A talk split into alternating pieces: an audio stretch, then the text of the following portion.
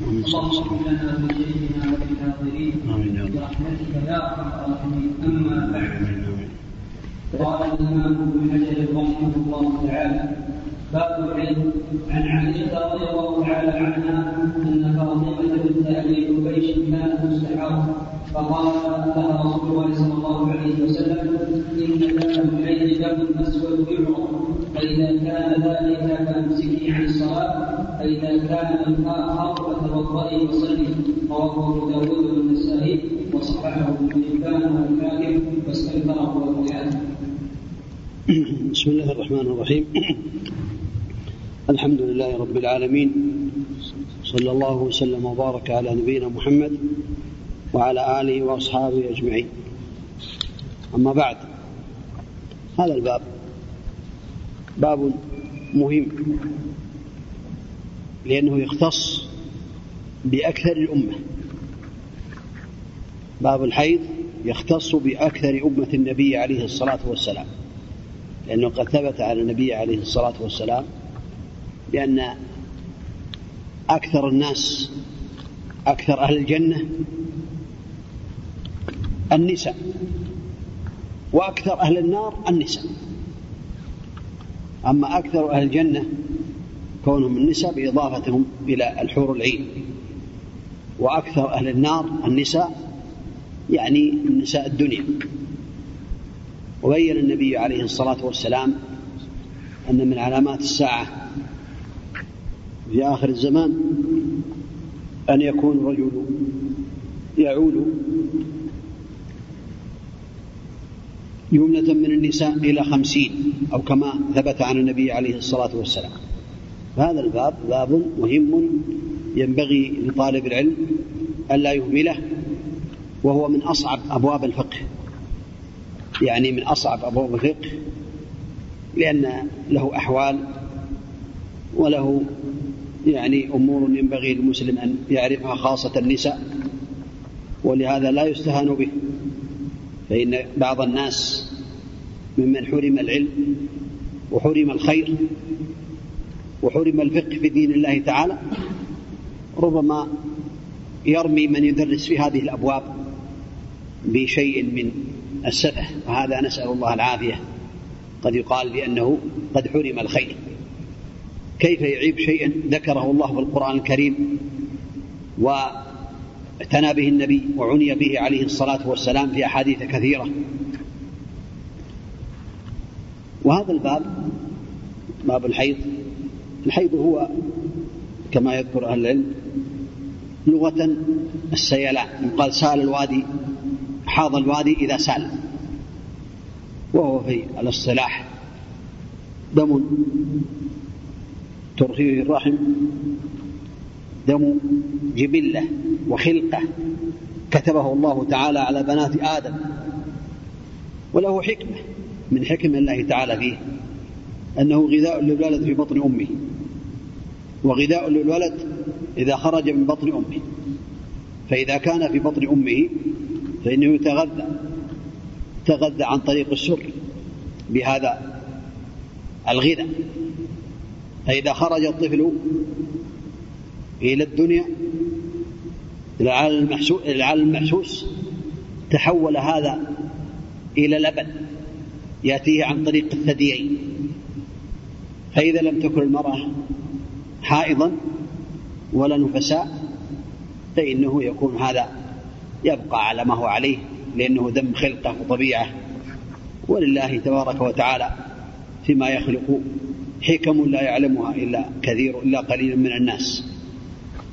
الحديث الأول يدل على أن المرأة لها حال وهي أن تعرف هذا الدم.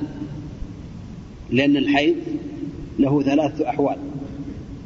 حال تميز بل الحال الأولى هي عادتها. تعرف أيامها التي تحيضها فتبقاها إذا أصيبت بالاستحاضة. حال تعرف أيامها ففي هذه الحال تبقى هذه الأيام فإذا انتهت هذه الأيام التي قد اعتادتها تغتسل وتصلي وتصوم ولا يضرها بعد ذلك. بعد الاغتسال توضأ لكل صلاة إذا كانت مستحاضة.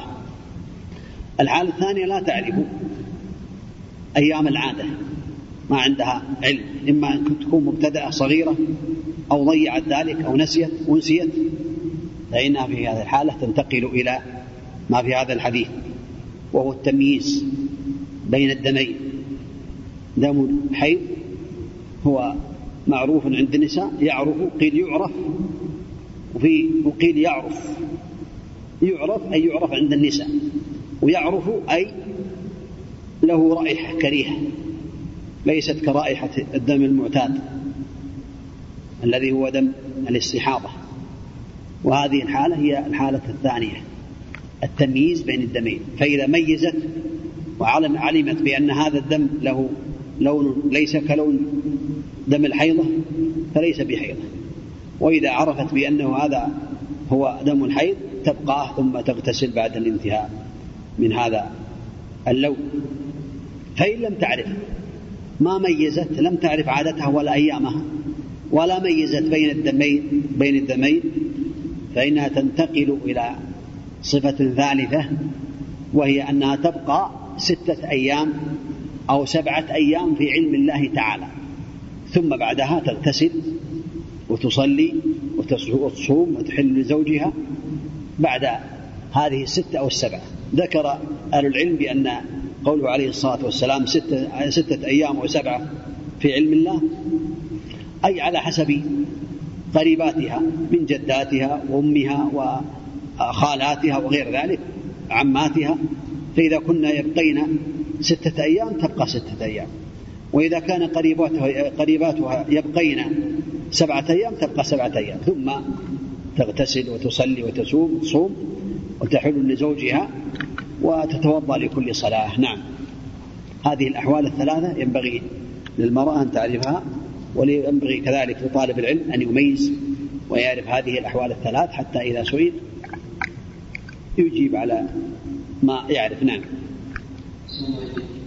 وفي حديث أسماء بنت عميس أعاد أعاد الحديث.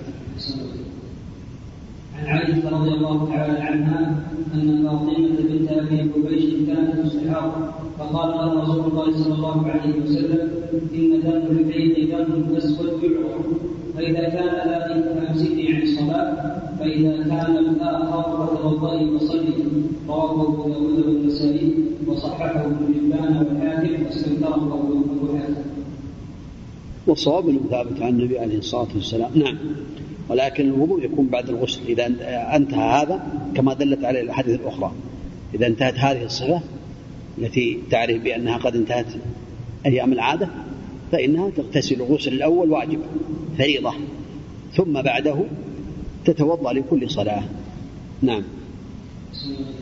وفي حديث اسماء بنت عميس عند أبي داود ولتلبس في مكن فاذا رأت صفرة فوق الماء فلتغتسل بالظهر والعصر غسلا واحدا وتغتسل بالمغرب والعشاء غسلا واحدا وتغتسل بالفجر غسلا واحدا وتتوضأ فيما بين ذلك وعن حمزة أعد الحديث نعم. وفي حديث أسماء بنت عميس عند أبي داود ولتلبس في مكة فإذا رأت صفرة فوق الماء فلتغتسل بالظهر والعصر غسلا واحدا وتغتسل بالمغرب والعشاء غسلا واحدا وتغتسل بالفجر غسلا واحدا وتتوضأ فيما بين ذلك. هذا يدل بالنسبة للغسل ليس بواجب على الصحيح للمستحاضة. وإنما الذي يجب هو الوضوء لكل صلاة. يجب الغسل الأول ثم الوضوء لكل صلاة. أما الاغتسال لكل صلاة لكل صلاة فلا يجب. ولو فعل ذلك لا بأس. لكن هذا الحديث يدل على جمع الصوري كما يأتي إن شاء الله. أنها لها أن تغتسل غسلا واحدا للظهر والعصر. تؤخر الظهر إلى قبيل وقت العصر. ثم تغتسل وتصلي الظهر والعصر. تصلي الظهر والعصر. تصلي الظهر في آخر وقتها وتصلي العصر في أول وقتها. هذا يقال الجمع الصوري. ثم تصلي تغتسل للمغرب والعشاء تؤخر المغرب إلى آخر وقتها ثم تغتسل وتصلي المغرب قبل خروج الوقت ثم تصلي العشاء بعدها فيكون جمع صوري وكذلك الفجر تغتسل للفجر غسلا واحدا لأن الفجر لا تجمع مع غيرها. وهذا مستحب. هنا يعني من باب الاستحباب. أما الوجوب فلا يجب عليها إلا الغسل الأول حينما تطهر وتتوضأ لكل صلاة بعد ذلك. نعم. وعن حملة بنت جعش قال كنت مستحاض عظة كثيرة شديدة فأتيت النبي صلى الله عليه وسلم أستفتيه فقال إنما هي رحمة من الشيطان. فتحيضي ستة أيام أو سبعة أيام ثم اغتسلي فإذا استنقأت فصلي أربعة وعشرين أو ثلاثة وعشرين وصومي وصلي فإن ذلك يجزئك وكذلك تفعلي كل شهر كما تحيض النساء فإن طويت على أن تؤخري الظهر وتعجلي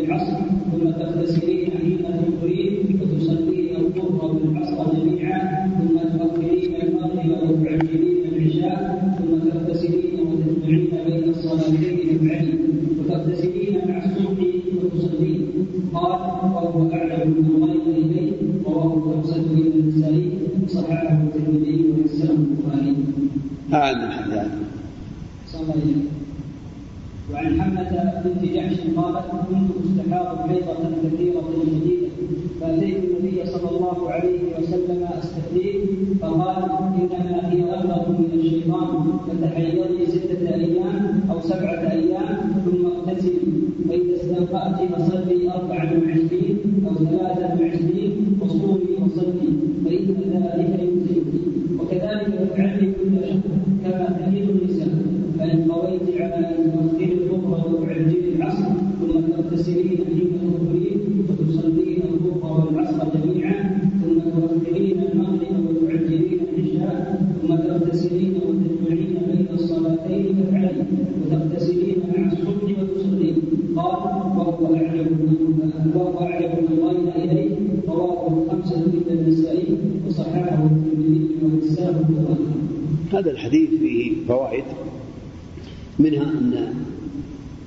الاستحاضة ركضة من الشيطان. وجاء في الحديث الآخر إنما ذلك دم عرق. وهو يخرج من مخرج غير مخرج غير مخرج الحيض. يخرج من عرق يقال له العادل فإذا حصل هذا فهذا كما قال النبي عليه الصلاة والسلام ركضة من الشيطان. الشيطان عدو للإنسان يريد أن يلبس عليه عبادته. ولله سبحانه وتعالى حكمة في ذلك. ثم ذكر النبي عليه الصلاة والسلام لهذه المرأة الصور الثلاث التي تقدمت وهو الجمع الصوري تصلي تغتسل في الظهر لصلاة الظهر تعجل تؤخر الظهر تعجل العصر تصلي الظهر في آخر وقتها والعصر في أول وقتها ثم تغتسل للمغرب والعشاء في آخر وقت المغرب تؤخر المغرب وتعجل العشاء في أول وقتها. هذا الجمع الصوري. كذلك الفجر تغتسل وتصلي الفجر. هذا هو من الأفضل من باب الأفضلية من باب الاستحباب. وإلا لا يجب فإن النبي عليه الصلاة والسلام لم يأمرها بذلك وإنما قال ذلك أحب الأمرين إلي أعجب الأمرين إلي. يعني هذا من باب الاستحباب. وإلا لا يلزم المرأة أن تعمل ذلك. نعم. وعن عائشة رضي الله تعالى نعم. عنها نعم. نعم. صلى. وعن عائشة رضي الله تعالى عنها أن أم حبيبة بنت جحش شكت إلى رسول الله صلى الله عليه صلى الله عليه وسلم فقال إن كنت قدر ما كنت إن كنت قدر ما كانت تحبسك حيضتك ثم اغتسلي. فكانت تغتسل من كل صلاة رواه مسلم. وتوضئي لكل صلاة وهي لأبي داود وغيره من وجه آخر وفي رواية للبخاري وتوضئي لكل صلاة وهي لأبي داود وغيره بوجه آخر.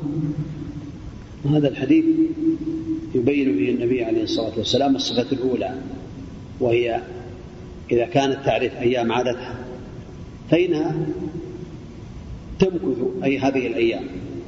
تمكث هذه الأيام لا تغتسل فإذا انتهت هذه العدة الأيام المعدودة المعلومة فإنها تغتسل وتصلي وكانت تغتسل لكل صلاة ولكن هذا من اجتهادها رضي الله عنها. ولم يأمرها النبي عليه الصلاة والسلام باغتسال كل صلاة وإنما أمرها بأن تتوضأ لكل صلاة لوقت كل صلاة لأول وقت كل صلاة. أما الغسل فلا يجب عليها إلا مرة واحدة. إذا طهرت من الحيضة فإنها تغتسل وبعد ذلك تتوضأ لوقت كل صلاة لأول وقت كل صلاة. نعم. وعن ام عبدية رضي الله عنها قالت كنا لا نعد الكثرة والسفرة بعد الظهر شيئا. رواه البخاري وأبو داود واللفظ وهذا فيه من الفوائد أن الكدرة والصفرة وهي ما يخرج من المرأة على لون الكدرة والصفرة كالدم الوسخ أو ما يقارب ذلك. فإنها تنظر لهذا الأمر. فإن كان في وقت العادة في أيام العادة فهو من العادة فهو حيض. وإن كان بعد انتهاء الأيام المعلومة لدى المرأة بعد الطهر فلا يعتبر شيئا وإنما يعتبر كالبول. ولهذا قالت رضي الله عنها كنا لا نعد الكدرة ولا الصفرة في أيام في عهد النبي عليه الصلاة والسلام بعد الطهر شيئا. يعني ما ينظرون ما ينظرن إليها وإنما النظر إذا كانت في الأيام. إذا كانت في أيام العادة فهي من الحيضة. وإذا كانت بعد الطهر بعد انتهاء الأيام المعلومة لدى المرأة فلا ينظر إليها. نعم. وعن أنس رضي الله تعالى عنه وإنما تتوضأ. إذا حصل لها هذا بعد الطهر بعد انتهاء الأيام المعلومة لها بعد الطهر كاملا فإنها تتوضأ من هذا الخارج لأنه من نواقض الوضوء. نعم. وعن أنس رضي الله تعالى عنه أن اليهود كانت إذا حاضت المرأة فيهم لم يؤكلوها فقال النبي صلى الله عليه وسلم اصنعوا كل شيء إلا النكاح. رواه مسلم. اليهود شددوا في هذا الأمر. وإذا حاضت المرأة بعهدهم لم يواكلوها ولم يشاربوها ولم تأكل معهم بل يعتزلونها. لأنهم يعتبرون عندهم نجسة. والنصارى كانوا أقبح من ذلك. كانوا يعملون مع كل شيء كأنها من الطاهرات. وتوسط الإسلام بين هذين بين هذين الاتجاهين لأنه وسط. فلم يحرم الجلوس مع المرأة الحائض ولا الأكل معها. كاليهود ولم يجعل الإنسان يقترف هذا الإثم كما فعلت النصارى لأن النصارى في الغالب أنهم يباشرون النجاسات مثل هذه الأمور واليهود شددوا والنصارى غلوا بل اليهود غلوا والنصارى فرطوا وتوسط الإسلام بين الأمرين. فالمرأة الحائض هي طاهر مسلمة طاهرة بالنسبة للأكل والشرب والجلوس والكلام والمس باليد وغير ذلك إلا أن النبي عليه الصلاة والسلام قال اصنعوا كل شيء إلا النكاح. نعم. وعن عائشة رضي الله تعالى عنها قالت كان رسول الله صلى الله عليه وسلم يأمرني فأتزر فيباشرني وأنا حائض متفق عليه. ولكن لا يأتي ما حرم الله كما أمر الله تعالى بذلك ونهى عن ذلك. فاعتزلوا النساء في المحيط ولا تقربوهن حتى يطهر. فإذا تطهرن فأتوهن من حيث أمركم الله. إن الله يحب التوابين ويحب المتطهرين. فكون الله تعالى أباح الأكل معها والشرب لكنه سبحانه وتعالى حرم النكاح الذي بينه النبي عليه الصلاة والسلام. أما المباشرة واللمس باليد والمباشرة في غير الفرج فلا بأس بذلك كما قال النبي عليه الصلاة والسلام. والاتجار قوله كان يأمرها فتتزر هذا لا يجب لكن هذا من باب الاستحباب وقيل بأن هذا الحديث ضعيف لأن النبي عليه الصلاة والسلام قال اصنعوا كل شيء إلا النكاح. فقضى على هذا. إذا فكل شيء يجوز للزوج من زوجته إلا النكاح. نعم. وعن ابن عباس رضي الله تعالى عنهما عن رسول الله صلى الله عليه وسلم الذي يأتي امرأته وهي حائض يتصدق بدينار أو بنصف دينار. رواه الخمسه وصححه الحاكم وابن القطان ورجح غيرهما وقته. والصواب أن هذا الحديث ثابت وأنه ينبغي أن يعمل به. منهم من تكلم فيه ومنهم من قال بأنه ثابت والصواب أنه ثابت عن النبي عليه الصلاة والسلام.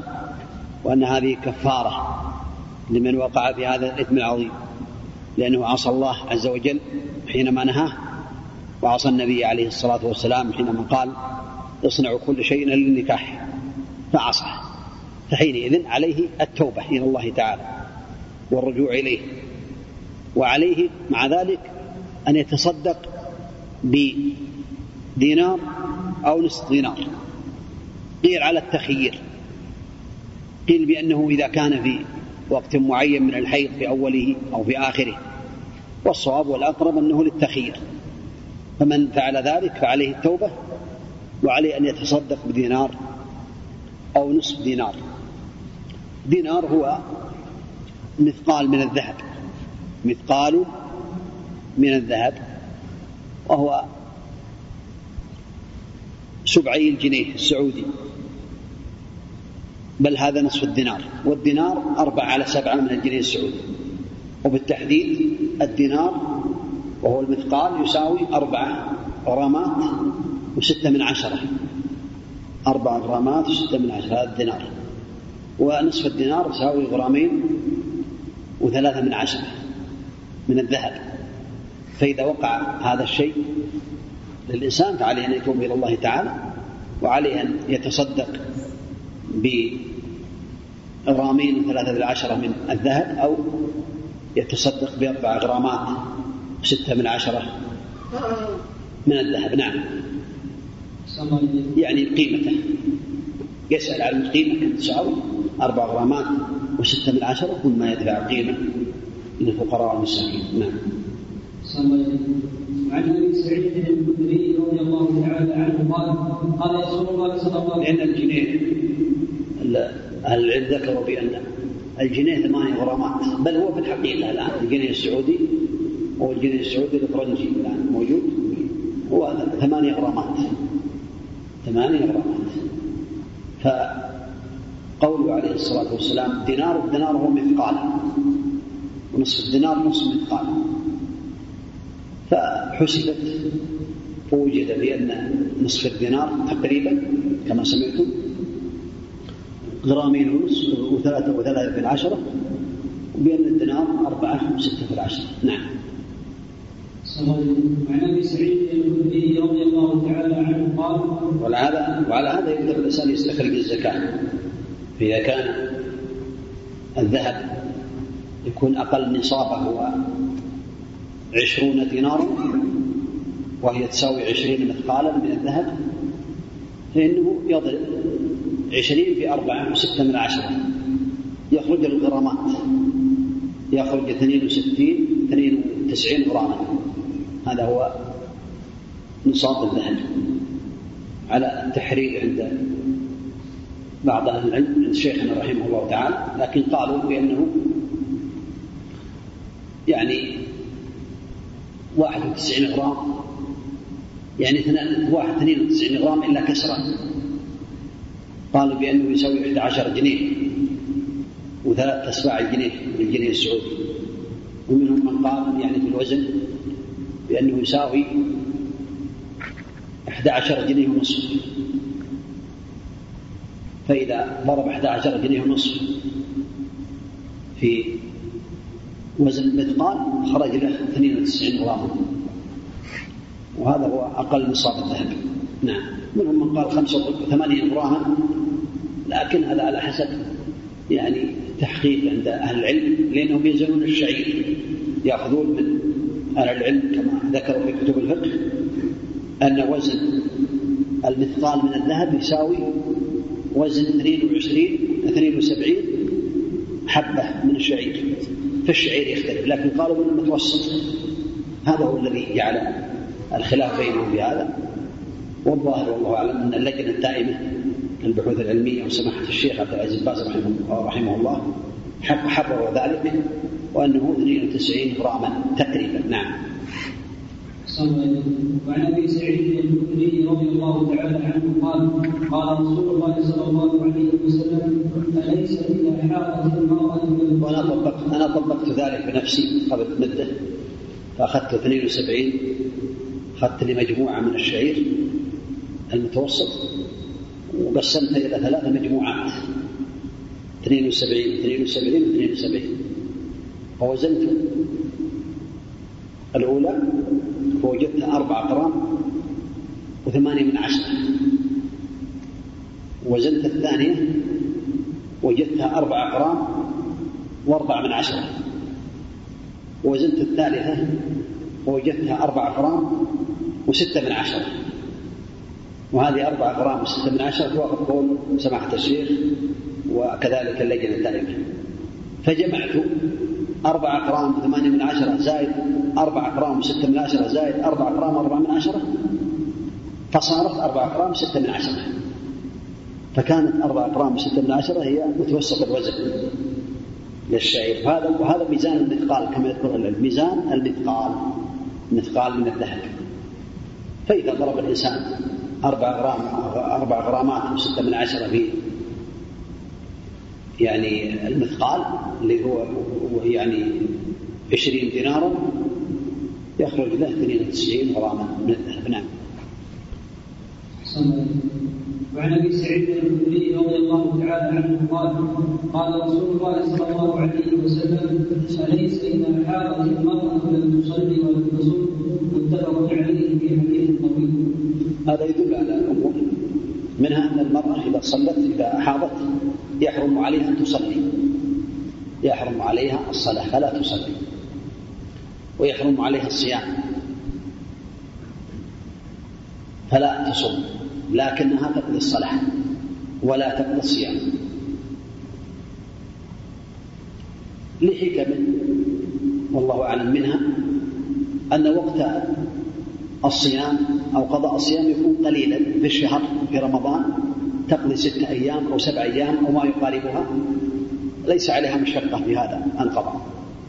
أما لو كانت تقضي الصلاة في كل شهر تفوتها صلوات فإذا قيل بأنها سبع صلوات بسبعة أيام في خمسة إذا تصلي خمس تصلي ثلاثين صلاة خمسة وثلاثين صلاة.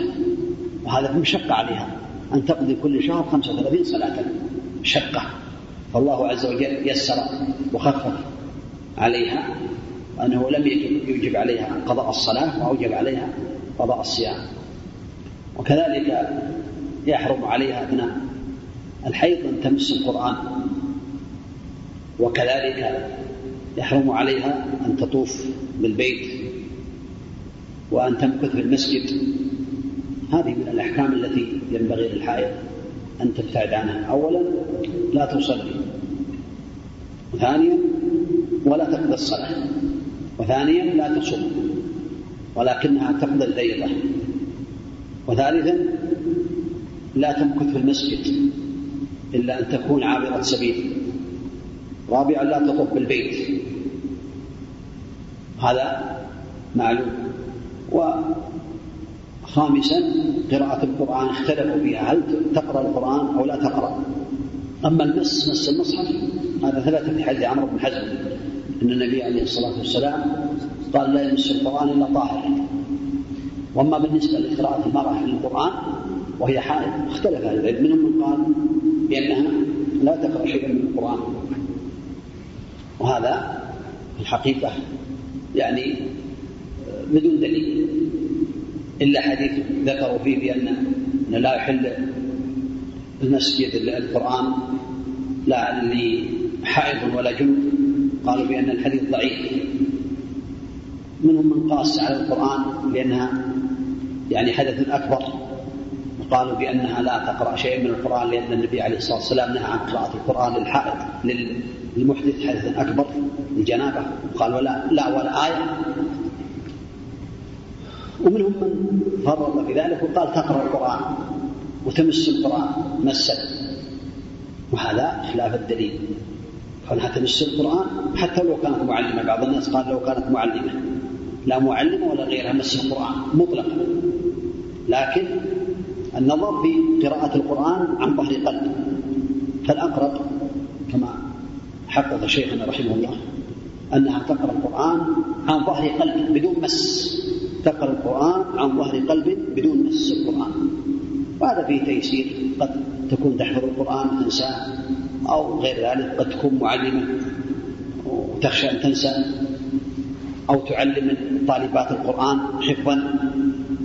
هذا فيه مشقة. الخلاصة من الصواب في ذلك أنها تقرأ القرآن إذا كانت حائضا أو نفساء عن ظهر قلبها. ومكتوها في مصلى العيد ولا تمكث في مصلى العيد لأن النبي عليه الصلاة والسلام قال يعتزلن المصلى. نعم. وعن عائشة رضي الله تعالى عنها قال أدلة قالوا بأن النبي عليه الصلاة والسلام قال لعائشة افعلي ما يفعل الحاج غير أن لا تطوفي بالبيت حتى تطهري ولم يقل لا تقرأي القرآن. وهذه مسألة خلافية بين العلم لكن هذا هو الذي يرجحه شيخنا رحمه الله تعالى وهو أقرب للصواب ولأن في مشقة على المرأة إذا منعت من قراءة القرآن عن ظهر قلب. فلا تقرأ لا تمس القرآن ولا ولا بأس أن تقرأ القرآن حفظا نعم وعن عائشة رضي الله تعالى عنها قالت لما جئنا سيف فقال النبي صلى الله عليه وسلم. افعلي ما يفعل الحاج غير ان لا تطوفي بالبيت حتى تطهري متفق عليه في حديث طويل. عائشة رضي الله عنها كانت أحرمت بالعمره متمتعة بها إلى الحج ولكنها حاضت في سرف في مكان موضع بين مكة والمدينة ويقرب إلى المدينة يقرب إلى مكة حاضت رضي الله عنها. حصل لها من المشقة بين النبي عليه الصلاة والسلام أن هذا شيء كتبه الله على بنات بني آدم على بنات آدم. وأمرها عليه الصلاة والسلام أن تغتسل وتحرم بالحج فتكون قارنة بهذا تكون قارنة. وتعمل ما يعمل الحاج غير أنها لا تطوف بالبيت حتى تطهر. وهذا فيه تحريم الطواف على الحائط وفيه كما تقدم دليل لمن قال بأنها تقرأ القرآن عن ظهر قلب لأنه لم يقل لا تقرأ القرآن ولأن القرآن من الأذكار التي يشرع الحاج أن يعتني بها ويحافظ عليها. نعم. وعن معاذ بن جبل رضي الله تعالى عنه انه سال النبي صلى الله عليه وسلم ما يحل للرجل من امرأته وهي حائض فقال ما خلق الازار رواه أبو داود وضعفه. هذا حديث ضعيف يخالف الأحاديث الصحيحة. يخالف قوله عليه الصلاة والسلام اصنعوا كل, كل شيء إلا النكاح ما فوق الإزار يعني ما فوق الإزار يكون من السرة. أو من فوق السرة إلى تحت الركبة. هذا يقال له الإزار على أسفل البدن. فقوله من فوق الإزار يعني يكون شيء خارجا عن الإزار. يعني من أعلى أو أي جهة أخرى. وهذا يخالف قوله عليه الصلاة والسلام اصنعوا كل شيء إلا النكاح. نعم.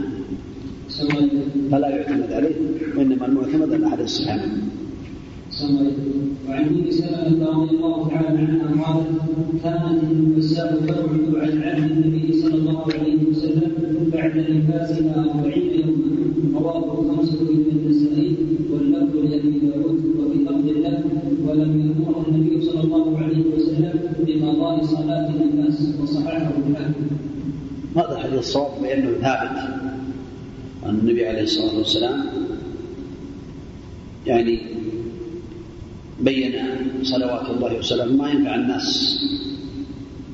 فكانت فستقعد في عهد النبي عليه الصلاة والسلام على في زمن النبي عليه الصلاة والسلام أربعين يوما. وهذا هو الحد الأعلى. الحد الأعلى للنفساء قد تطهر في اليوم الأول. بل بعضهم قال قد تكون طاهرا من أول الساعات الأولى حتى قال بعضهم بأن امرأة ولدت ولم يخرج منها شيء يقال ذات الجفوف. لكن هذا قد يكون نادرا الخلاصة أن المرأة في الحيض في النفاس المرأة في النفاس تبقى أربعين يوما أي الحد الأعلى. لها أن تترك الصلاة. تترك الصلاة صيام أربعين يوما لكن إذا رأت الطهر قبل ذلك في اليوم الأول أو الثاني أو الثالث أو غير ذلك قبل الأربعين فإنها تغتسل وتصلي وتصوم. هذا هو الحد الأعلى. فإذا زاد ذلك على الأربعين فالصواب أنه يكون دم فساد. تصلي تغتسل وتصلي وتصوم بعد ذلك. إلا إذا تحققت بأنه دم عادة. فإذا كان دم عادة هذا أمر آخر. أما أقصى العدد فهو أربعين. منهم من قال أكثر من ذلك. منهم من قال أقل لكن ليس عليه دليل. وهذا هو الصواب. نعم. كتاب الصلاة. باب المواقيت عن عبد الله بن عمرو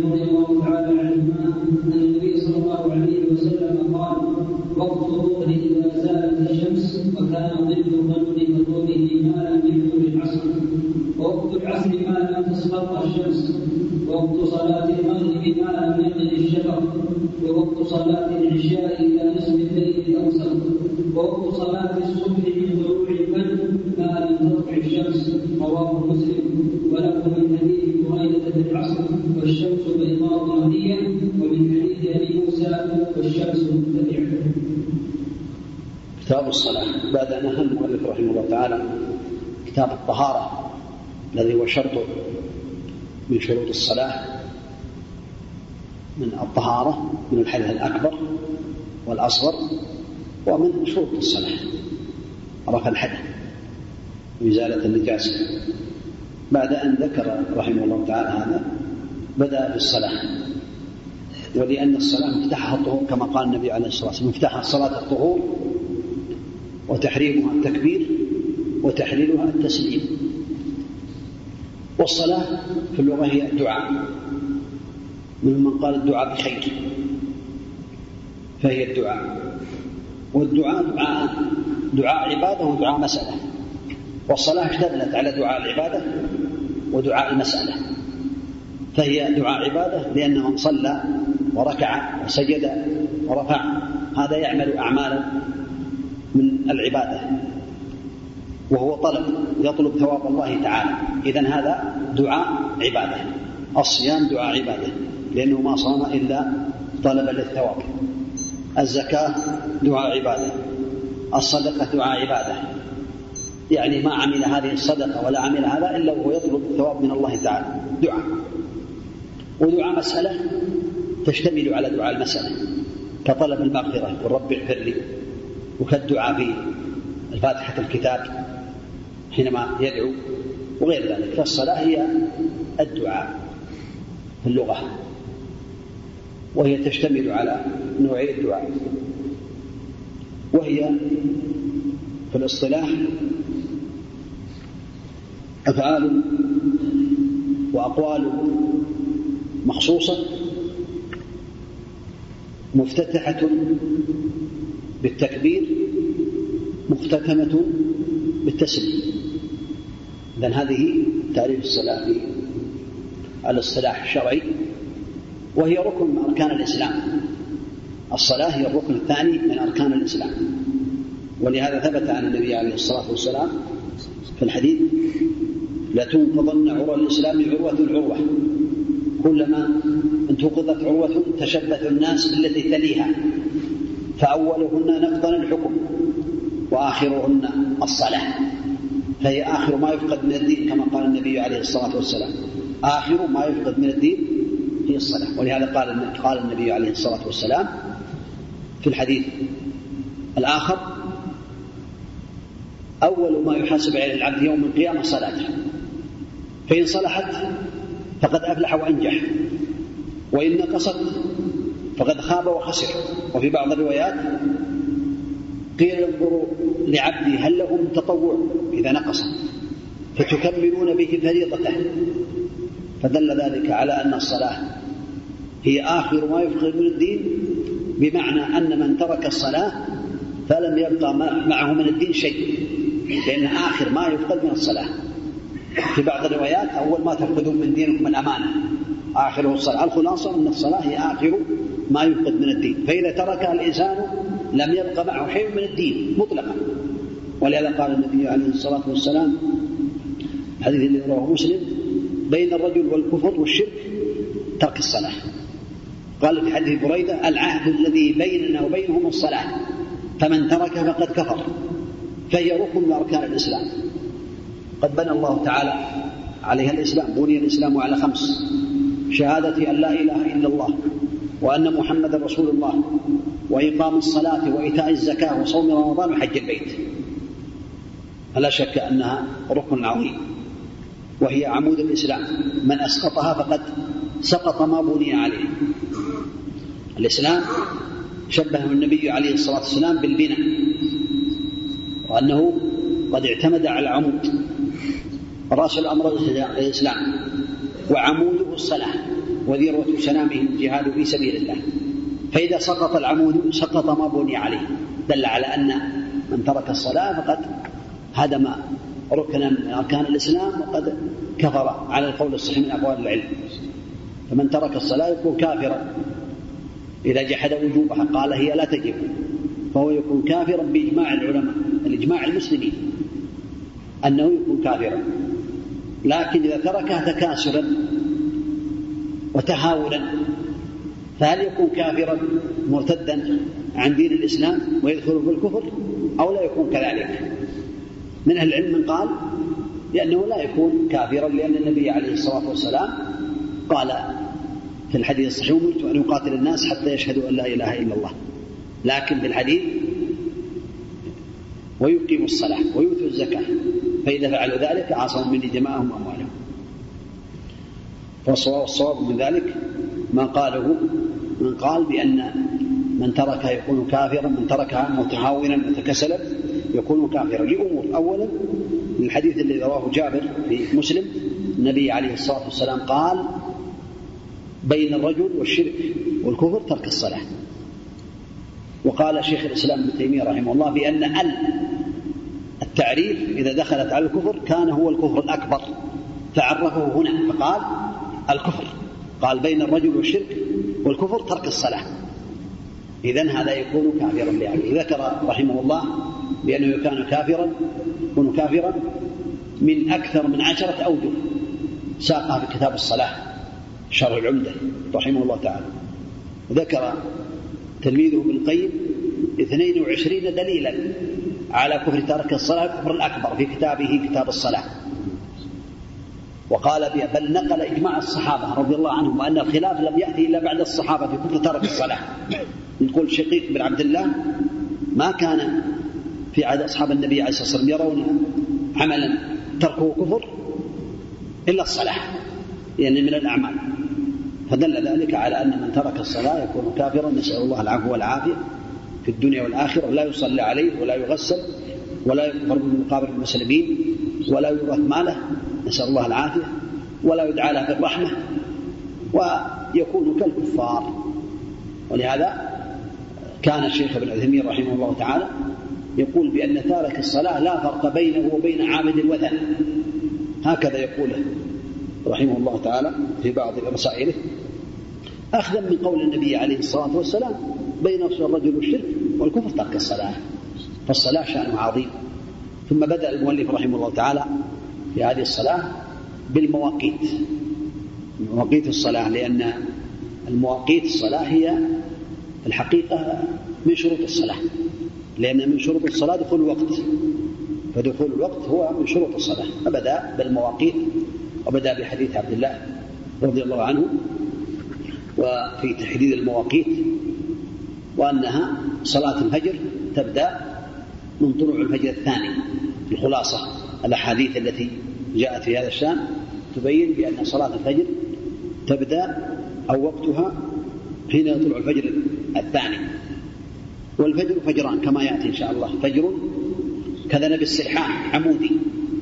هذا الفجر لا تحل لا يحل تحل الصلاة فيه أي صلاة الفريضة ولا يحرم الطعام. وفجر مستطيل. وهذا الذي يستطيل في الأفق وهذا هو الفجر الثاني. إذا انتشر النور أو على الأفق فإنه يكون الفجر الثاني الذي تحل فيه الصلاة. هذا هو أول وقت صلاة الفجر بعد طلوع الفجر الثاني. إلى شروق الشمس ما لم تطلع ما لم تطلع الشمس. وكان النبي عليه الصلاة والسلام يأتي إن شاء الله أنه كان يقرأ بالستين إلى المئة الآية. فوقت الصلاة من طلوع الفجر الثاني إلى شروق الشمس.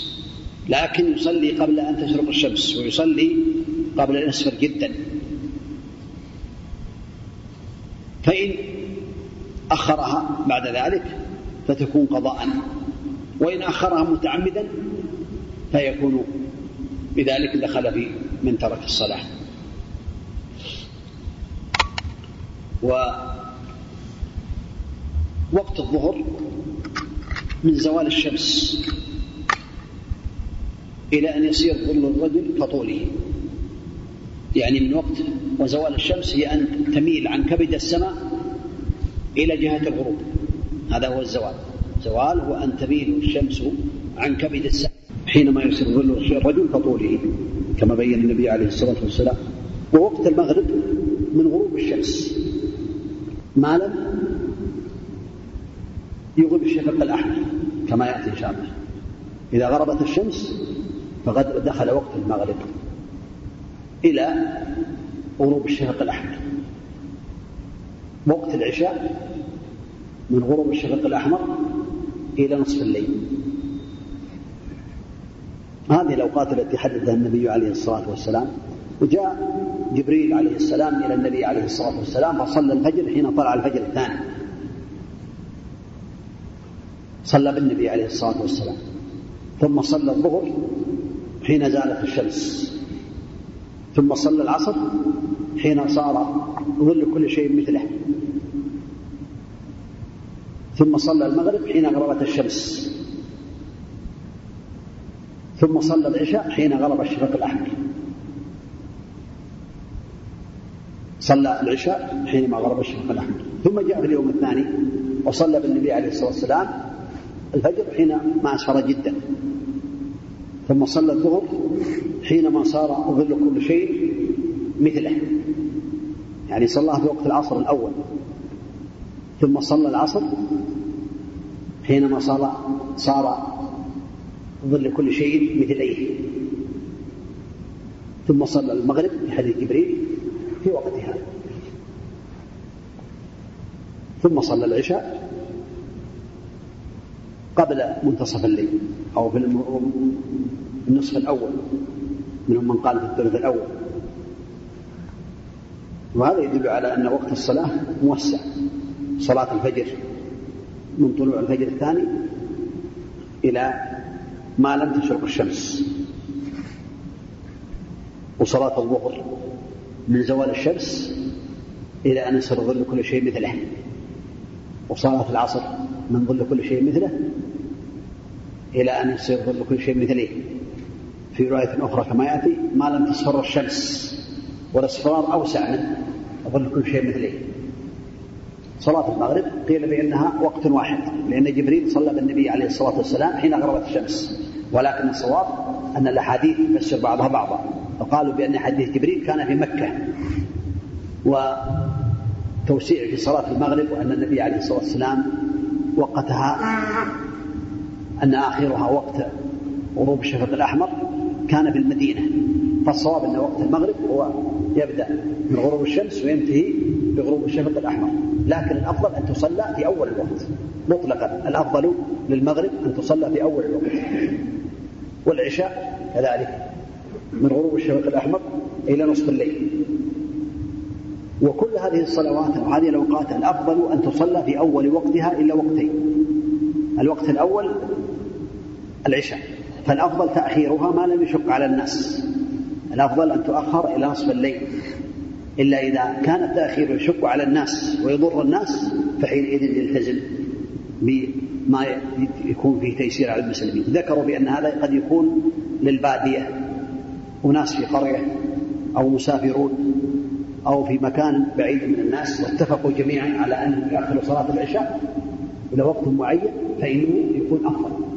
الوقت الثاني الذي يخالف يكون الأفضل فيه التأخير وقت الحر. وقت الحر إذا اشتد الحر فإن الأفضل أن يؤخر لكن بشرط أن لا يشق على الناس ويشق على المسلمين. كما يذكر بأن إمام من الأئمة في بعض الأماكن يؤخر صلاة العصر إلى صلاة الظهر إلى ما يقال إلى قبل صلاة العصر. يقول وقت الحر يقول هذا أبرد أبرد بالظهر ويشق على الناس وي... لا هذه سنة عند الحاجة. أما إذا كانت هذه السنة تسبب مشقة للناس فيلتزم بالوقت. في يصلي أما بقية الأوقات فالأفضل أن تصلى الصلاة في أول وقتها كما قال النبي عليه الصلاة والسلام. هل يقال للمرأة الأفضل أنها تؤخر صلاة العشاء؟ إذا كان إذا كان أفضل لها أن تؤخر صلاة العشاء بلا شك. إذا كان أنها ما, ما يحصل لها كسل وخمول. أما تؤخرها وتصلي وقت النوم ووقت الكسل ووقت التعب إذا كان عندها يقين بأنها يعني آه، تبقى على نشاطها وعلى قوتها. أما إذا كانت تشتغل وقت آخر الليل أو قبل منتصف الليل تقول يعني عندها نعاس وعندها تعب وعندها كسل فتصلي في الوقت الذي تستطيع أن تضبط فيه الصلاة بخشوع وخضوع. نعم. نعم. الله بعضهم قد يؤخر صلاة العشاء لكنه لا يضبط منتصف الليل. لازم يضبط منتصف الليل. بسم الله. اللهم صل على محمد. منتصف الليل. الليل الحقيقة هو يبدأ من غروب الشمس إلى طلوع الفجر الثاني. فيحسب الإنسان كم ساعات من غروب الشمس بالدقة إلى طلوع الفجر.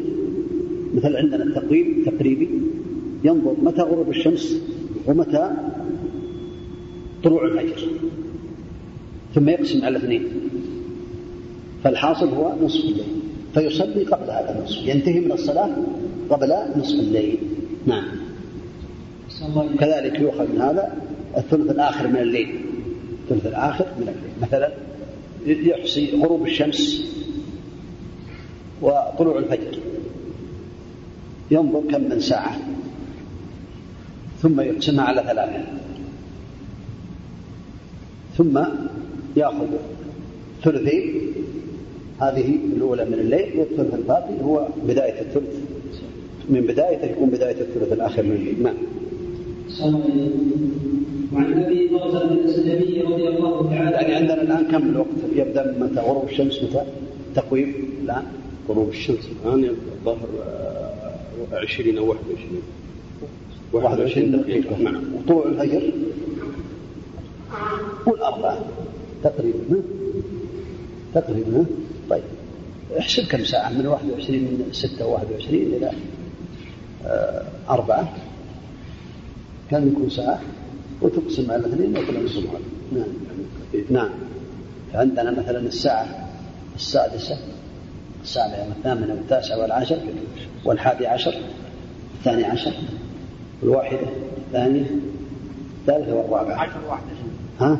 عشر عشر واحدة عشر واحد وعشرين دقيقة. عشر تقريبا ها؟ نعم. لا عشر إلا واحد وعشرين. عشر واحد وعشرين. ها؟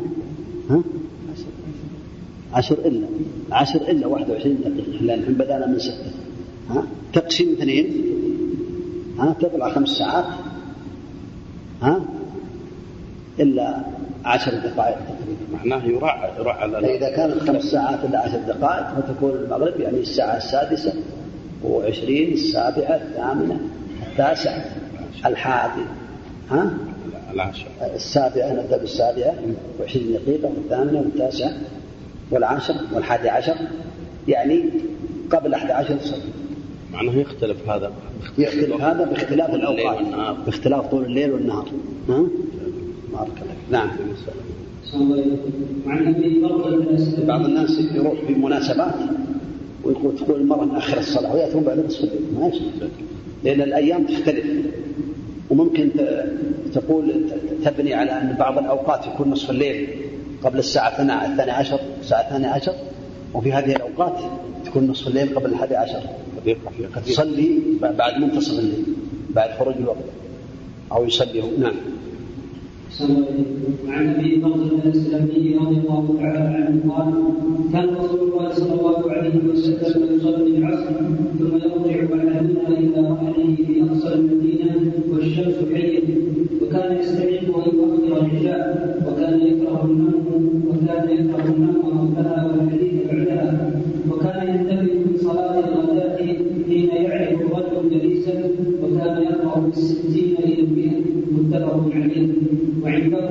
الصلاة والسلام. هذا يدل على فوائد منها أنه عليه الصلاة والسلام كان يطيل في الصلاة صلاة الفجر ومنها أنه كان يبكر بها عليه الصلاة والسلام. والحديث يفسر بعضها بعضا. يأتي حديث أبرد أو يعني أسفر بالفجر فإنه أعظم الأجر. الحديث يفسر بعضها بعضا. المقصود بالأحاديث التي تبين الإسفار هي التأكد من طلوع التأكد من طلوع الفجر. التأكد.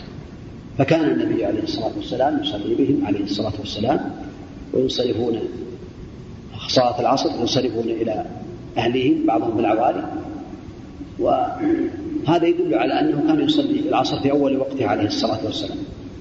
ولا يعني ذلك بأنه كان يعني لا يجيز أن تكون في آخر الوقت في أول الوقت وآخر الوقت وأوسطه كلها لكن الأفضل يكون في أول الوقت والفجر كان ينصرف من الصلاة وحين يعرف الرجل جليسه. ما كان عندهم كهرباء ولا كان عندهم يعني آه، نور يستخدمون به إلا نور الإيمان والعمل الصالح. فكان يعرف الرجل جليسه حينما ينصرفون من صلاة الفجر. وكان يقرأ بالستين إلى المئة عليه الصلاة والسلام. أحيانا يقرأ بالستين يعني تقديرا من الصحابة رضي الله عنهم بالستين آية إلى مئة آية. هذا يعتبر في الحقيقة تقصير في الصلاة. ما يقال تقصير يعتبر عدم إطالة. عدم إطالة في الصلاة. لأن النبي عليه الصلاة والسلام نهى عن يعني الإطالة للإمام. قال فتان أنت يا معاذ. وأمر عليه الصلاة والسلام بأن تتبع سنة عليه الصلاة والسلام. فالحكم في ذلك هو فعل النبي عليه الصلاة والسلام. فمن قرأ بمئة آية في صلاة الفجر يعتبر أطال ولا ما يعتبر أطال؟ ها؟ يعتبر أنه لم يطل الصلاة. لكن من قرأ بمئتين آية؟ أطال. أو ثلاثمائة أطال. من تعدى المئة. لأن النبي عليه الصلاة والسلام قال كان يقرأ بالستين إلى المئة. وهذا يدل على أفضلية إطالة الإمام في صلاة الفجر. لكن على حسب الأحوال. يراعي الأحوال المأمومين يراعي أحوال المأمومين. والضعيف كما قال النبي عليه الصلاة والسلام أمر بالتخفيف لأنه يصلي خلفه المريض والضعيف وذا الحاجة. ولكن الميزان هو فعل النبي عليه الصلاة والسلام في ذلك. نعم. بعد الحديث نعم. وعن أبي برزه الاسلامي رضي الله تعالى عنه قال كان رسول الله صلى الله عليه وسلم يصلي العصر. يرجع احدنا إلى رحله في أقصى المدينة والشمس حيه وكان يستحب أن يؤخر العشاء وكان يكره النوم قبلها والحديث بعدها وكان ينتبه من صلاة الغداة حين يعرف الرجل جليسا وكان يقرأ بالستين إلى المئة متفق عليه. من هذه الفوائد كذلك أن تأخير صلاة العشاء هو الأفضل. يؤخر صلاة العشاء الأفضل. لكن كما قلت إن لم يشق على الناس تصور إمام من الأئمة يكون في حرم من الحرام أو من في حي من الأحياء ويؤذن المؤذن ثم يبقاهم إلى الساعة العاشرة ليلا. يقول أنتم ما تحبون سنة النبي عليه الصلاة والسلام؟ ألا تحبون سنة النبي عليه لقد كان لكم في رسول الله أسوة حسنة. لا لقد كان لنا في رسول الله أسوة حسنة لكن النبي عليه الصلاة والسلام يسر. قال يسروا ولا تعسروا. فالأمر يعني إذا كان يشق على الناس فإن يصلي الصلاة في أول وقتها. ولكن في بعض الأحاديث سيأتي أنه كان ينظر عليه الصلاة والسلام في العشاء كان إذا اكتمل الناس صلى وإن لم يكتمل الناس أخر قليلا يعني حتى يجتمع الناس عليه الصلاة والسلام.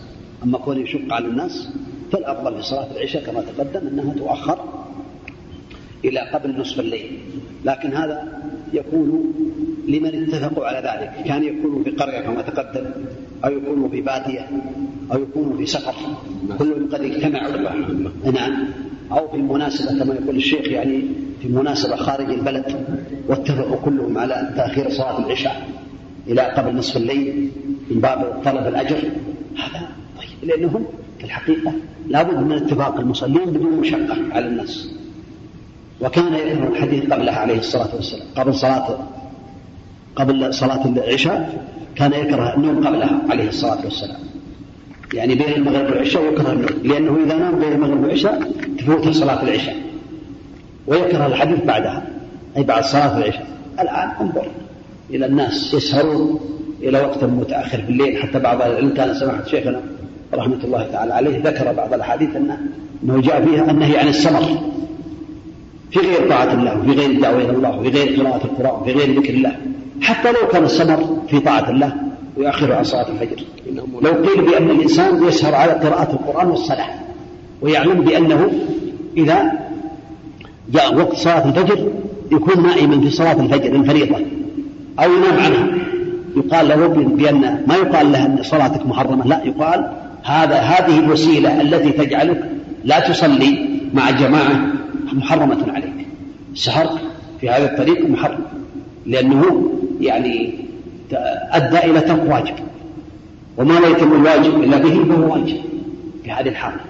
إذا كان يكره الحديث بعدها عليه الصلاة والسلام. ولكن إذا كان الإنسان عنده ضيف أو دعوة إلى الله تعالى أو في أمور يعني لا بد منها فلا بأس. لكن لا يكثر من ذلك. كان الصحابة رضي الله عنهم كما ذكر العلم يتعشون العشاء قبل المغرب وأحيانا يتعشون قبل قبل العشاء بعد المغرب. دلت الروايات على هذا وهذا يعني هذا يدل على أنهم كانوا يعني يغتنمون الفرصة حتى يناموا بعد صلاة العشاء وحتى يستطيعوا أن يستيقظوا لصلاة الفجر بل إلى قيام الليل وإلى ذكر الله تعالى وإلى الدعاء في الثلث الآخر من الليل. الخلاصة أن هذا الأمر. يبقى على ما هو عليه مثل ما فعل النبي عليه الصلاة والسلام. ولو ولو سير الناس. يبقى الحديث بعد صلاة العشاء كان يكره الحديث بعد صلاة العشاء والنوم قبلها عليه الصلاة والسلام. لكن الشيء الذي لا بد منه كالقيام بواجبات الأهل أو القيام بإكرام الضيف أو طلب العلم أو غير ذلك هذا له أمر آخر. نعم. بشرط أن لا يؤثر على صلاة الفجر ترك صلاة الفجر. نعم. وعندهما من حديث جابر رضي الله عنه والعشاء أحيانا يمثلها واحيانا يمثلها إذا اراد من العجل واذا اراد من طلب والصبح كان النبي صلى الله عليه وسلم يصليها بغلس. عليه الصلاة والسلام. الأحاديث يفسر بعضها بعض. كان يصليها بغلس. وقال أبردوا وقال أسفروا بالفجر فإنه أعظم الأجر فالأحاديث يفسر بعضها بعضا المقصود من هذا يصليها بغلس والمقصود من قوله عليه الصلاة والسلام أنه أصبحوا في الفجر أو أسفروا في الفجر يدل على أن المقصد والله أعلم التحري والدقة بأن يصلي في الوقت لا يصلي قبل الوقت وإنما يصلي بعد أن يتحقق الوقت. كان عليه الصلاة والسلام يصلي بغلس حتى ولو كان غلس غلسا لكن قد تيقن بأنه قد طلع الفجر. عليه الصلاة والسلام. والعشاء كما تقدم إذا راهم أخر تأخروا أخر وإذا راهم تقدموا قدم عليه الصلاة والسلام. نعم. لكن مثل هذه الأوقات الناس إذا أعطوا وقتا محددا يكون أولى حتى يلتزم. لأنهم إذا علموا بأن الإنسان يؤخر أحيانا ويطيل أحيانا السنة النبي عليه الصلاة والسلام لا تعارض بأي شيء. قوله مقدم على قول كل أحد. لكن يخشى بعض الناس أنه إذا علموا بأن بعض الناس يأخر الصلاة أحيانا إلى نصف ساعة يصلي صلاة العشاء بعد نصف ساعة وأحيانا يصلي بعد عشر دقائق وأحيانا يصلي. هذا قد إذا كان هذا يكون وسيلة لترك الصلاة أو لإضاعة الصلاة فيلتزم بوقت معين في أول الوقت حتى يجتمع الناس. وإن فعل مثل ما فعل النبي عليه الصلاة والسلام وأمن ترك الصلاة والتأخر عن الصلاة فهو سنة النبي عليه الصلاة والسلام أولى بالاتباع نعم ولمسلم موسى رضي الله عنه فأقام الفجر والناس لا بعضهم بعضا. يعني حين انشق الفجر طبعا الفجر الثاني الذي هو تحل فيه الصلاة نعم.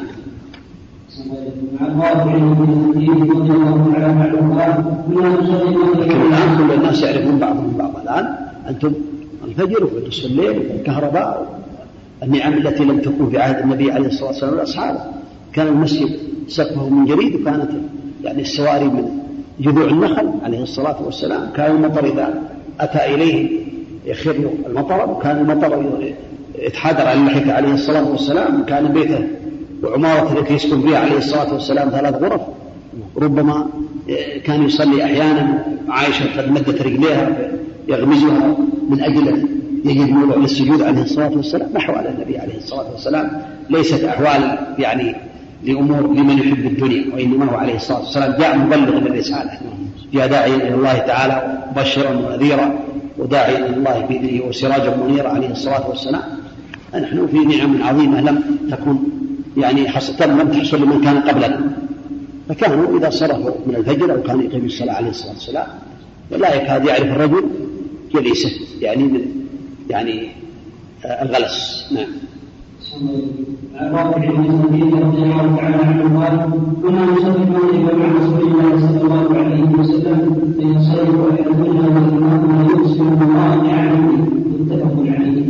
هذا يدل على أنه عليه الصلاة والسلام كان يبكر في المغرب. وكذلك يشير إلى أن القراءة في المغرب قد تكون أحيانا قصيرة بقصار مفصل. وقد يطيل فيها أحيانا كما دلت عليه أحاديث أخرى يقرأ مرة بالمرسلات وغير ذلك فمرة يقرأ بقصار الموصل ومرة من الوسط مرة من الطوال على حسب. والخلاصة أنه كان عليه الصلاة والسلام يصلي المغرب في أول وقته عليه الصلاة والسلام بعد أن يؤذن المؤذن ثم يصلي الناس ركعتين كانت تقام الصلاة ويصلي المغرب عليه الصلاة والسلام. والتحديد بعشر دقائق يعني قريبا من ذلك يعني وقت. يقوم الإنسان يصلي ركعتين يتوضأ ويصلي المغرب. نعم. لكن هذا تحديد ليس من تحديد النبي عليه الصلاة والسلام وإنما باب الاجتهاد. نعم. وعن عائشة رضي الله تعالى عنها قالت أعتق النبي صلى الله عليه وسلم. ذات ليلة بالعشاء حتى ذهب عامل الليل ثم خرج فصلى وقال إنه لوقتها لولا أن يشق على أمتي رواه مسلم هذا أعتم يعني تأخر بالليل الصلاة حتى ذهب عامة الليل. يعني ما يقارب نصفه أو ما يقع عامة الليل. ثم صلى وقال إنه لوقتها لولا أن أشق على أمتي عليه الصلاة والسلام. يسر على أمتي عليه الصلاة والسلام. وقتها الأفضل. أما وقتها فأول وقت الصلاة من وقت البداية غروب الشفق الأحمر يبدأ الوقت. لكن الأفضل التأخير. لكن النبي عليه الصلاة والسلام لم يشق على أمته عليه الصلاة والسلام. فالأمر في على التيسير وعلى السماحة. نعم. عن ابي هريره رضي الله تعالى عنه قال قال رسول الله صلى الله عليه وسلم اذا اشتد الحر فاكلوا الصلاه فان شده الحر من بين متفق عليه هذا يدل على تأخير الصلاة في وقت الحر. وحر الذي يشق على الناس. كان الناس ما عندهم مكيفات ولا عندهم يعني أشياء إذا صلوا في الحر شق عليهم شق عليهم الخروج. فلا شك أن هذه سنة باقية عند الحاجة إليها. فإذا كان الناس لا يشق عليهم الإمام ولا يشق عليه تشق عليهم الصلاة وهذا والله أعلم مثل ما تقدم في صلاة العشاء. لو كانوا في برية أو كانوا في قرية من القرى أو كانوا في سفر ورأوا تأخير الصلاة أنه أيسر لهم في الحر فأنه أفضل. أما كونه يؤخر الصلاة كما تقدم يشق على الناس ولا يصلي إلا بعد قبل صلاة العصر بدقائق والأبرد ها؟ هذا في مشقة على الناس. فإذا كان في مشقة على الناس. فالنبي عليه الصلاة والسلام ما أمر ما يسر ذلك وشرع ذلك إلا للتيسير فإذا كان التيسير يسبب مشقة ولم يقصده النبي عليه الصلاة والسلام. قصد التيسير على الناس عليه الصلاة والسلام وبأن جهنم يعني الحر هو من شدة فيه جهنم. ثبت عن النبي عليه الصلاة والسلام أن النار اشتكت إلى الله تعالى واشتكت الجنة. يعني تقول بل أشتكت النار إلى الله تعالى. قالت يا رب أكل بعضي بعضا فاجعل لي نفسين. فجعل الله لها نفسين. فما تجدون من شدة الحر وجوه جهنم وما تجد من حرها وما تجدون من زمهرير من شدة البرد فهو من زمهريرها هذه أمور غيبية لا يعلمها إلا الله. أخبر بها النبي عليه الصلاة والسلام. نعم. تأخير المعيار في التأخير. نعم. يبقى للإمام أو للمجموعة على حسب التيسير لما فيه مشقة. الإمام ينظر إلى آه، هو أملك بالإقامة ينظر إلى يعني ما ييسر على الناس ولا يشق على الناس ولا يفوت الصلاة على الناس. الأمر الذي ييسر على الناس ولا يشق عليهم ينظر إليه. يجتهد في الوقت في الوقت بعد دخول الوقت. نعم. الإبراد. نعم. نعم. وكذلك في الإبراد. إذا كان الإبراد بالصلاة الناس عندهم حر وعندهم مشقة وينظر بأنه أيسر لهم تأخير الصلاة ولا يحصل مشقة ولا يحصل بعض الناس يترك الصلاة أو يصلي لوحده أو يحصل يعني ضوضاء يعني منازعات على حسب التيسير. نعم عن رضي الله تعالى عنه قال قال رسول الله صلى الله عليه وسلم اصبروا بالصبر فانه يعلم المؤمنون رواه الخمسه وصححه الترمذي كما تقدم هذا من باب يعني التاكد من طلوع الفجر. قال الأمر بالتأكد. تيقن من طلوع الفجر نعم. عن ابي هريره رضي الله تعالى عنه ان النبي صلى الله عليه وسلم. قال من ركعه قبل ان تطلع الشمس فقد ادرك الصبح ومن ركعه من العصر قبل ان الشمس. فقد ادرك العصر متفق عليه. هذا يدل على الأوقات التي يسمى أوقات الضرورة. لأن في وقت اختيار ووقت اضطرار. وقت الاختيار الفجر من طلوع الفجر إلى أن يسفر جدا إلى ما لم تشرق الشمس. وقت الاختيار في العصر من صير يظل كل شيء مثله إلى اصفرار الشمس ما لم تصفر الشمس.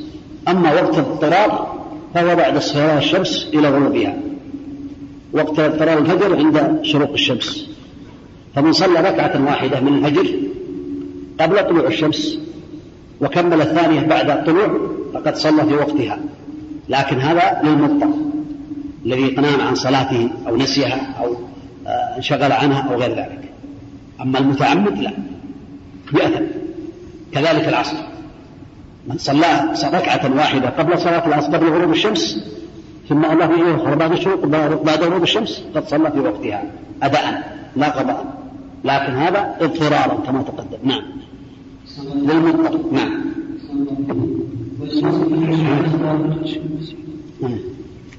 نعم عن عائشة رضي الله تعالى عنها وقال سجدا بدل معا نعم أحسن الله ولمسلم عن عائشة رضي الله عنها وقال سجدا بدل معا وقال السجدة مسلم كله صلى سجدة في ركعة قبل غروب الشمس قبل أدرك ومن صلى ركعة قبل غروبها فقد العصر لكن كما تقدم نعم. بسم الله والصلاة والسلام على رسول الله محمد بن عبد الله وعلى آله وصحبه ومن والاه. اللهم اغفر لنا ولشيخنا وللحاضرين برحمتك يا أرحم الراحمين. أما بعد. قال الإمام ابن حجر رحمه الله تعالى في كتاب الصلاة وعن أبي سعيد الخدري رضي الله تعالى عنه قال سمعت رسول الله صلى الله عليه وسلم يقول لا صلاة بعد الصبح حتى تطلع الشمس ولا صلاة بعد العصر حتى تغيب الشمس متفق عليه ولفظ مسلم لا صلاة بعد صلاة الفجر. بسم الله الرحمن الرحيم الحمد لله رب العالمين وصلى الله وسلم وبارك على نبينا محمد وعلى آله وأصحابه أجمعين. أما بعد هذا الحديث وما جاء في معناه من الأحاديث تدل كلها على النهي في أوقات النهي التي نهى عنها النبي عليه الصلاة والسلام. وهي جملة إجمالا ثلاثة أوقات وتفصيلا خمسة. فإجمالا بعد صلاة الفجر إلى شروق الشمس وارتفاعها قدر إلى شروق الشمس. ووقت الزوال قبل الزوال حينما تكون الشمس بكبد السماء. الوقت الثالث بعد صلاة العصر إلى غروب الشمس. هذه إجمالا وتفصيلا خمسة. من بعد صلاة الفجر إلى شروق الشمس. هذا الوقت الأول. الوقت الثاني وقت مضيق من طلوع الشمس إلى ارتفاعها قيد رمح حتى تكون بيضاء نقية. كما ثبت عن النبي عليه الصلاة والسلام أنه كان إذا صلى في الفجر في الفجر جلس في مجلسه عليه الصلاة والسلام حتى تطلع الشمس بيضاء نقية. الوقت الثالث كما تقدم عندما تكون الشمس في كبد السماء قبل الزوال. وهذا وقت قصير. ذكر بعضهم بأنه ربما يكون خمس دقائق أو عشر دقائق. حينما تكون الشمس في كبد السماء حتى تتضيف إلى جهة الغروب. الوقت الرابع من بعد صلاة العصر إلى غروب الشمس. والوقت الخامس من الوقت الرابع من صلاة العصر إلى أن تضيف الشمس للغروب. والخامس من وقت ما تتضيف الغروب أي تميل الغروب إلى أن تكتمل. هذه الأوقات الخمسة ذكرها العلم بأن الصلاة فيها لا تجوز لينه النبي عليه الصلاة والسلام عن الصلوات في هذه الأوقات. واختلف أهل العلم هل هذا في جميع النوافل؟ فلا تصلى أي نافلة مطلقا بعد في هذه الأوقات؟ أم أن هذه الصلوات هذا النهي يدل على الصلوات المطلقة التي ليست بذوات أسباب.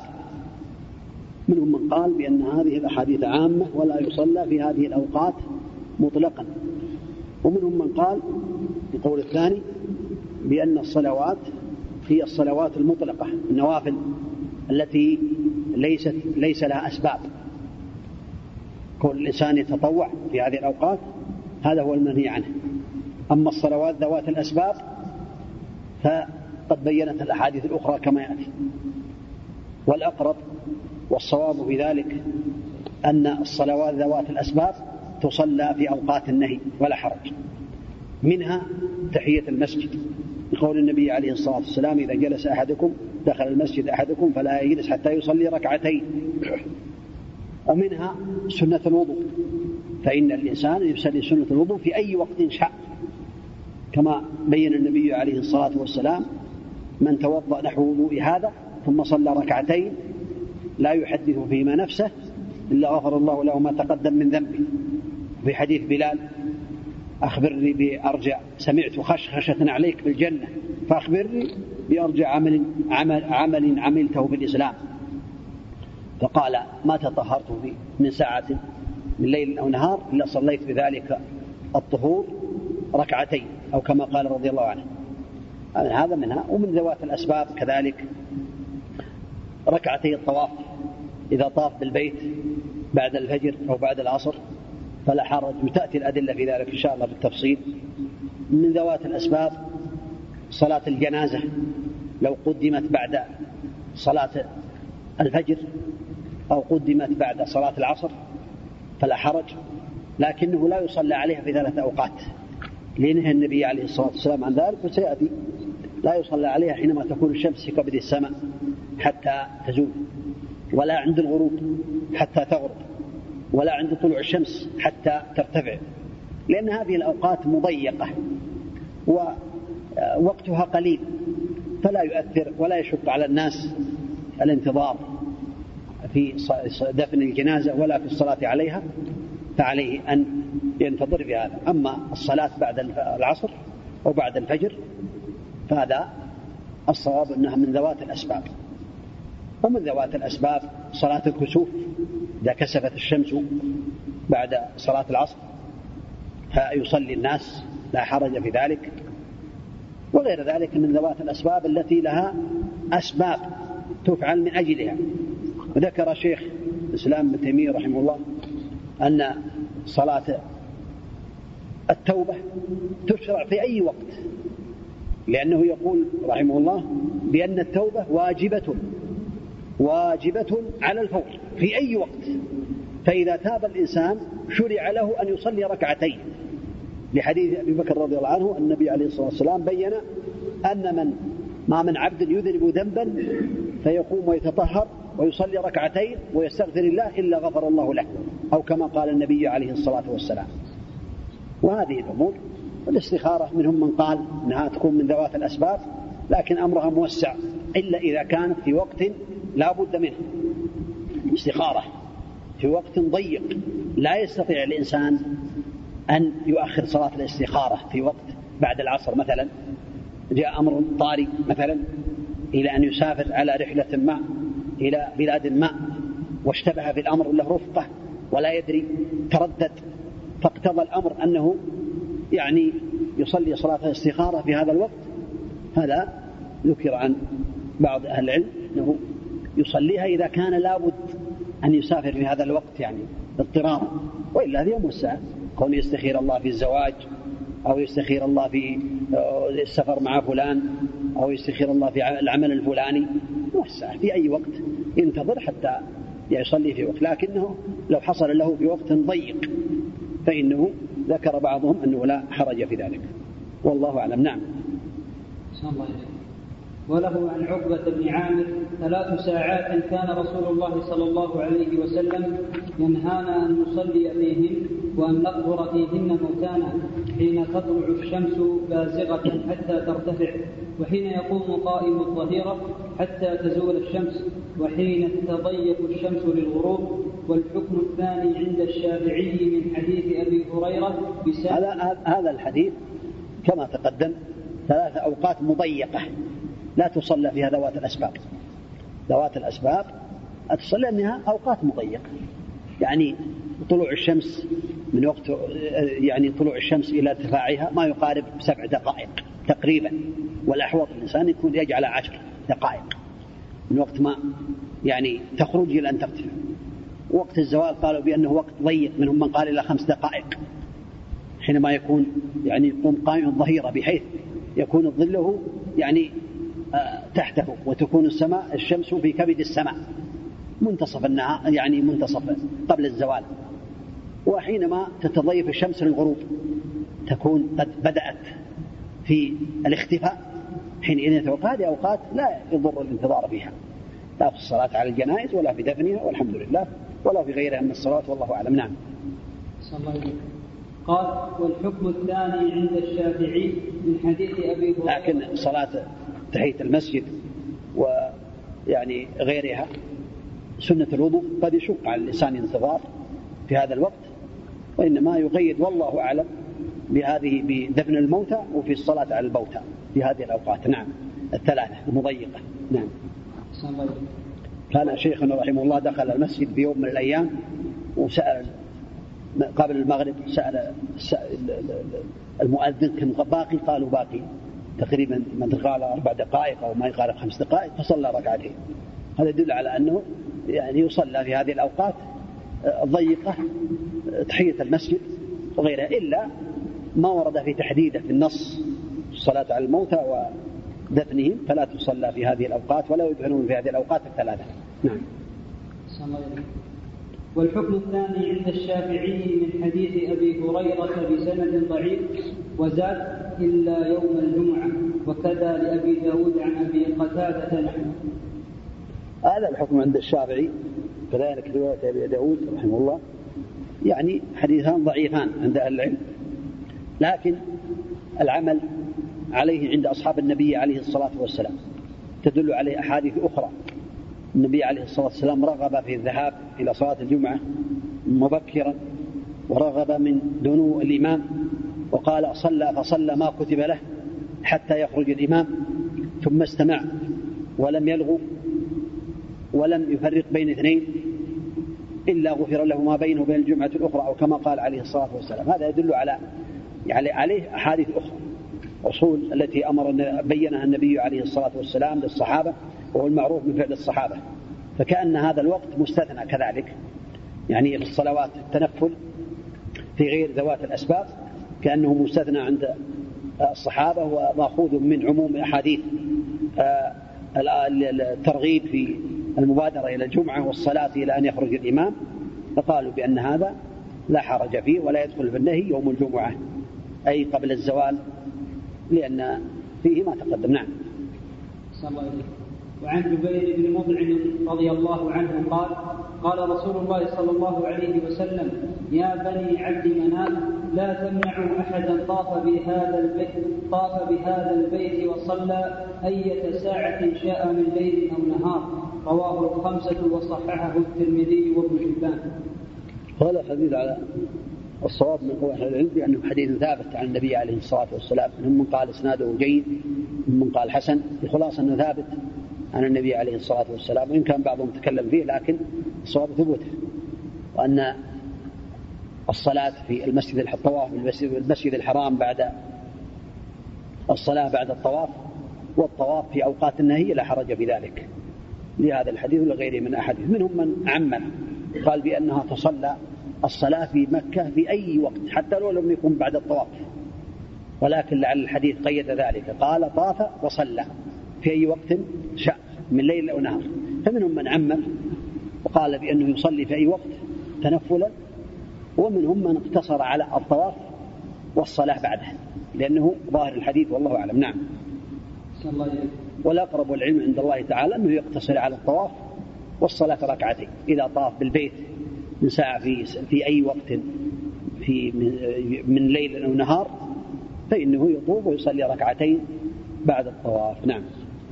وعن ابن عمر رضي الله تعالى عنهما أن النبي صلى الله عليه وسلم قال الشفق الحمرة رواه الدار قطني وصححه ابن خزيمة وغيره وقفه على ابن عمر رضي الله تعالى عنهما. وهذا الحديث يدل على تفسير الشفق وأنها حمرة حمرة الشمس. حينما تغرب يكون لها شعاع أحمر ثم يستمر إلى أن يبدأ وقت صلاة العشاء. هذا هو غيبوبة الشفق الأحمر الحمرة هي التي تدل على انقضاء صلاة المغرب ودخول وقت صلاة العشاء.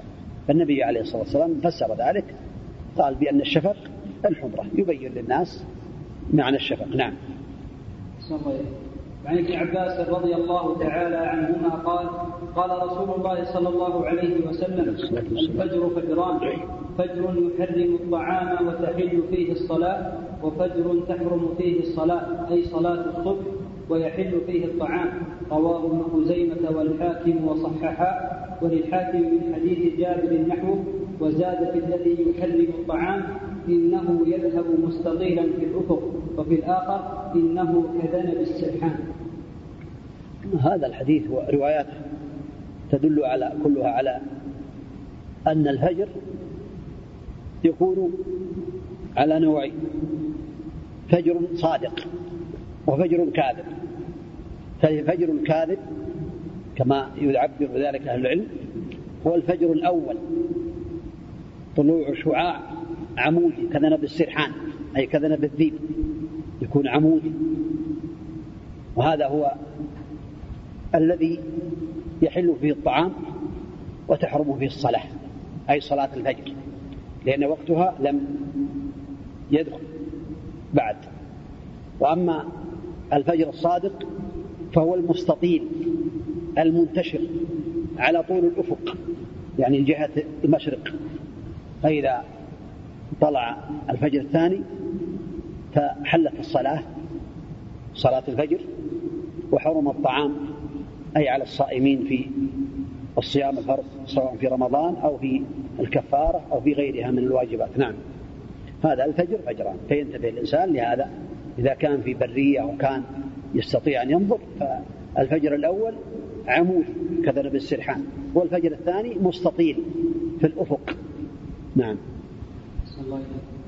وعن ابن مسعود رضي الله تعالى عنه قال قال رسول الله صلى الله عليه وسلم أفضل الأعمال الصلاة في أول وقتها. رواه الترمذي والحاكم وصححاه وأصله في الصحيحين. هذا من أفضل الأعمال حينما سئل النبي عليه الصلاة والسلام أي الأعمال أفضل؟ قال الصلاة لوقتها كما في البخاري بالله. وفي أول وقتها هنا الصلاة لوقتها يعني استقبال أول وقتها بعد دخول الوقت. قال قلت ثم أي؟ قال ثم بر الوالدين. قلت ثم أي؟ قال الجهاد في سبيل الله. فأفضل الأعمال الصلاة على في أول وقتها أي حين دخول الوقت بعد دخول الوقت. وكذلك الأمر الثاني بر الوالدين. يتبع أو يكون بعد الصلاة.